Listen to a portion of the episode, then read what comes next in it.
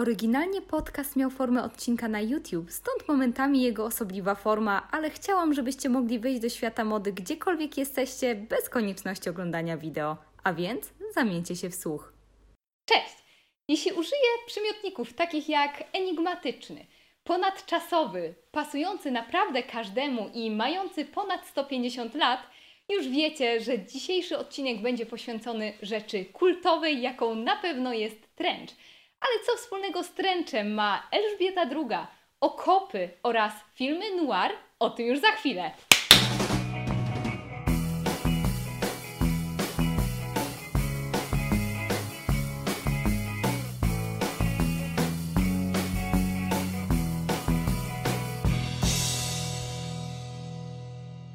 Jeśli chcemy poznać historię Trencha w jego współczesnej, znanej nam formie, należy cofnąć się do czasów I wojny światowej, gdzie większość walk odbywała się właśnie w okopach, a z angielskiego okop to trench. Sądzę, że wiele wojennych filmów przybliżyło Wam ogromnie trudne warunki, w jakich przyszło żyć żołnierzom, jeśli chodzi o okopy. Grzęźli po kolana w błocie, byli narażeni na różne warunki atmosferyczne i tkwili tam całymi tygodniami.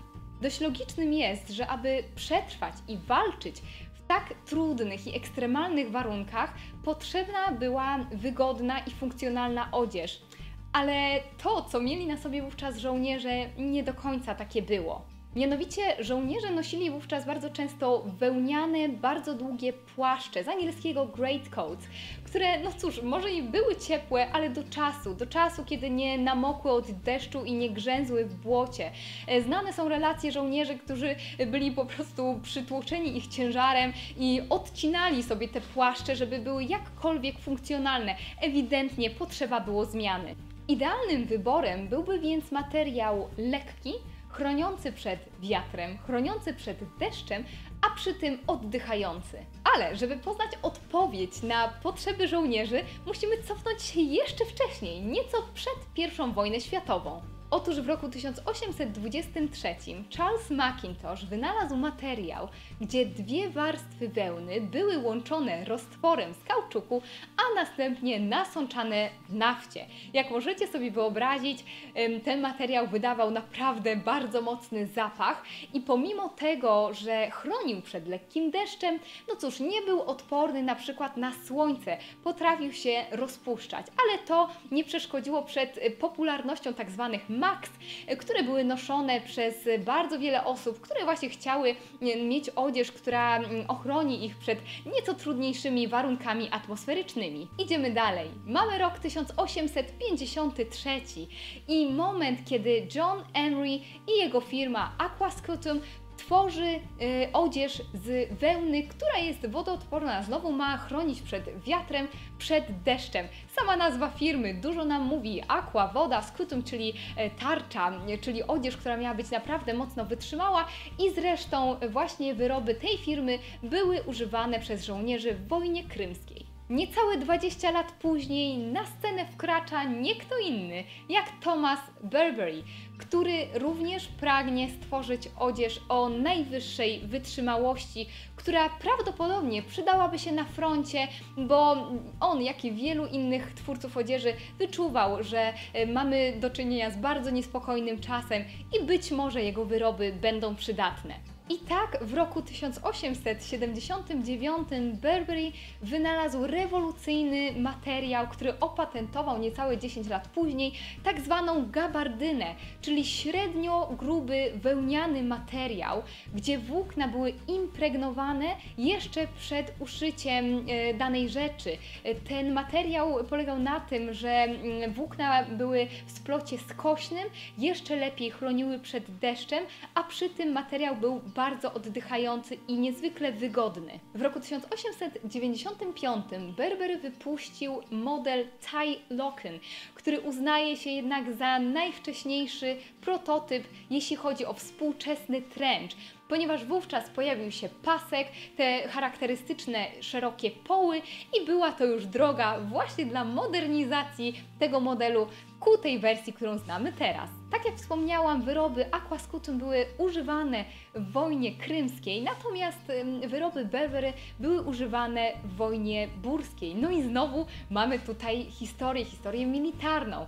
E, no i właśnie tutaj też należy nawiązać do historii wojny, jeśli chodzi o sam kolor tręcza, czyli kolor kaki, kolor beżowy.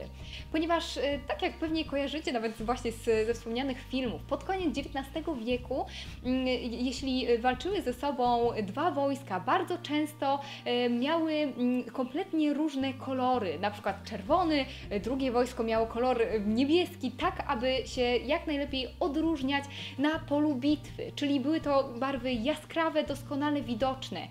Później, wraz z industrializacją wojny, e, to nie było pożądane, ponieważ wiadomo, że żołnierze stawali się łatwym celem. Stąd też potrzeba było koloru, który by doskonale wtapiał się w tło. I takim kolorem był kolor kaki. Zresztą sama nazwa z języka hindi oznacza kurz.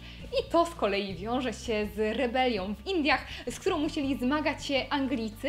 I tak właśnie oni potrzebowali koloru, który by pozwalał e, nieco wtapiać się w tłum, nie być tak bardzo dostrzegalnym. I to zresztą możemy sobie kojarzyć później na przykład z detektywami, którzy już we współczesnych filmach nosili tręcze. W roku 1914 brytyjskie Ministerstwo Wojny zleciło firmie Burberry właśnie produkcję płaszczy, ale to nie wszystko, jeśli chodzi o uznanie dla marki, ponieważ później Elżbieta II i książę Wali uznawali dwa razy Burberry za właśnie swojego nadwornego dostawcę. Zataczamy koło i wracamy do czasów I wojny światowej, ponieważ wówczas nastąpił właśnie rozkwit, jeśli chodzi o popularność tręczy. Należy tutaj jednak podkreślić, że tręcze nie były częścią wyposażenia standardowego ekwipunku, jeśli chodzi o żołnierzy. Dlaczego? Były cholernie drogie. Oczywiście żołnierze, mm, niektórzy mieli na sobie tręcze, ale szczególnie nosili je oficerowie.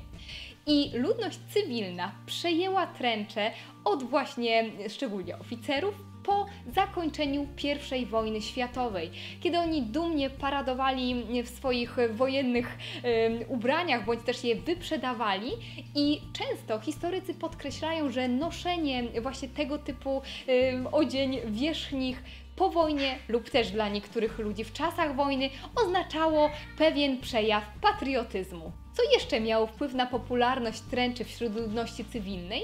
Przede wszystkim Amundsen, zdobywający biegun południowy, miał na sobie odzież oraz namioty od Berbery oraz dwójka herosów, czyli Alcock i Brown, e, którzy dokonali niemożliwego, czyli nieprzerwanego lotu nad Atlantykiem, również mieli na sobie płaszcze od Berbery.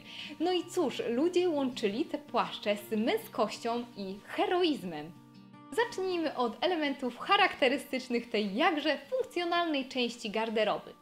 Warto na mm, początku wspomnieć, że tręcze były wykonane z 26 kawałków materiału i były wyposażone w dwa rzędy 10 guzików, 5 po każdej stronie. Historycznie tręcze były wyposażone w guziki przy kołnierzu, tak aby możliwie ciasno spiąć materiał, a przy tym ułatwić sobie zakładanie maski przeciwgazowej. Obecnie tręcze mają często tutaj pojedynczy mm, zaczep, który również pełni oczywiście swoją rolę i lepiej chroni nas przed wiatrem. Kolejne charakterystyczne elementy to pagony, do których można było przyczepić insygnia tak zwana patka sztormowa, a więc dodatkowy skrawek materiału, który był oczywiście formą ocieplenia tręcza, ale przy tym chronił przed wiatrem, ale również umożliwiał swobodne spływanie deszczu, a więc nie namakanie tego materiału w znacznym stopniu. Jeśli chodzi o rękawy, są one reglanowe, wykończone paskiem, który można sobie zacieśnić tak aby wiatr i deszcz nie dostawały się do środka.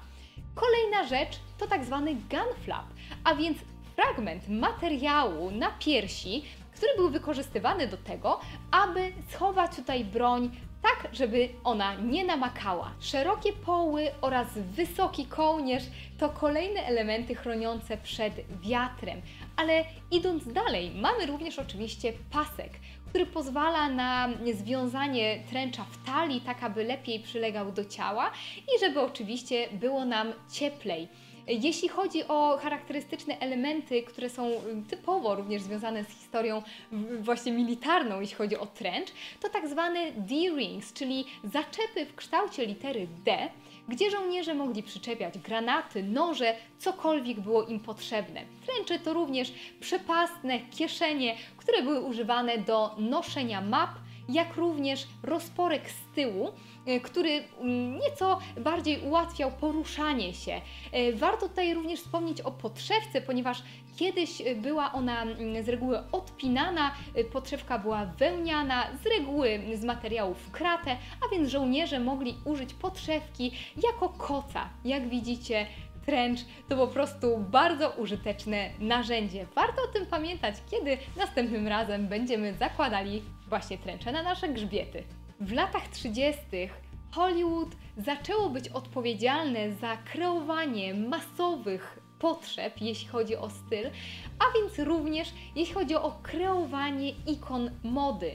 Jeśli myślimy o trenczu, pierwsze skojarzenie Oczywiście filmy noir i twardziele w tręczach, prywatni detektywi, którzy byli odpowiedzialni za rozwikływanie skomplikowanych zagadek.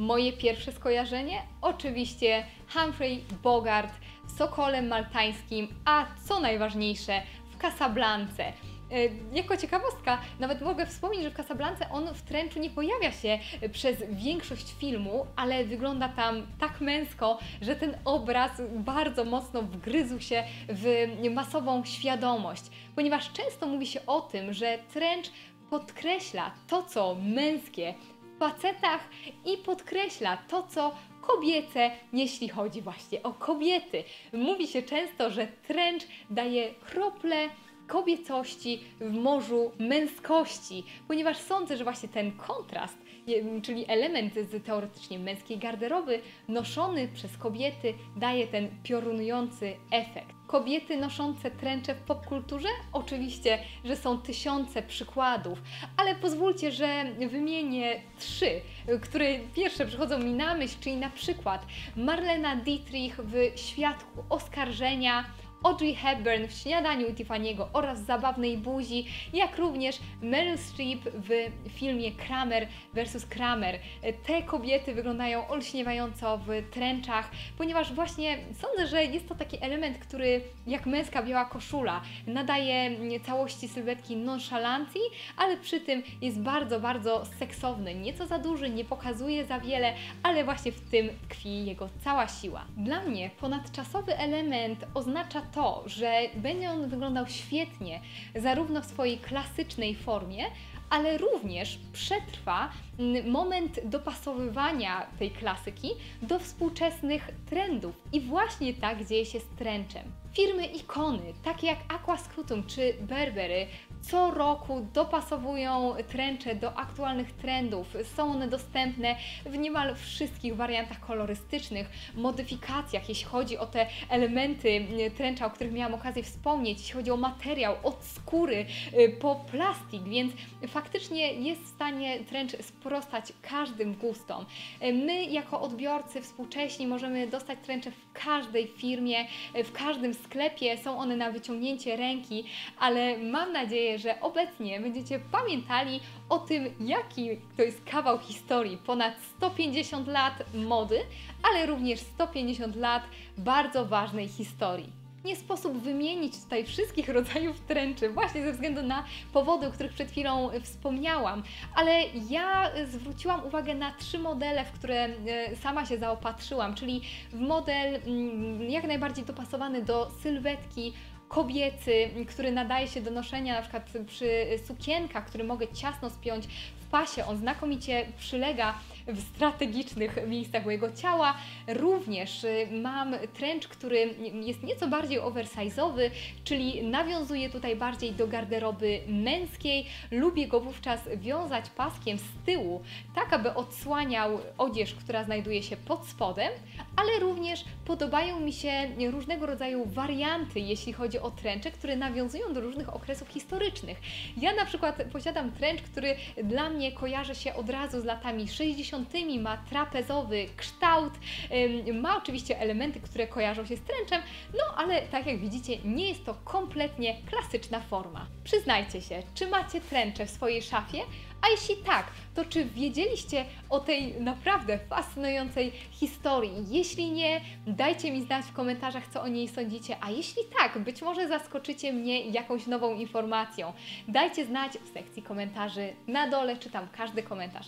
Na każdy staram się odpowiadać i już teraz zapraszam Was do śledzenia Instagrama, bo tam w miarę często daję znać, co u mnie słychać oraz zapraszam Was również do subskrybowania Freakery, aby być na, bieżąco z kolejnymi odcinkami. Do zobaczenia!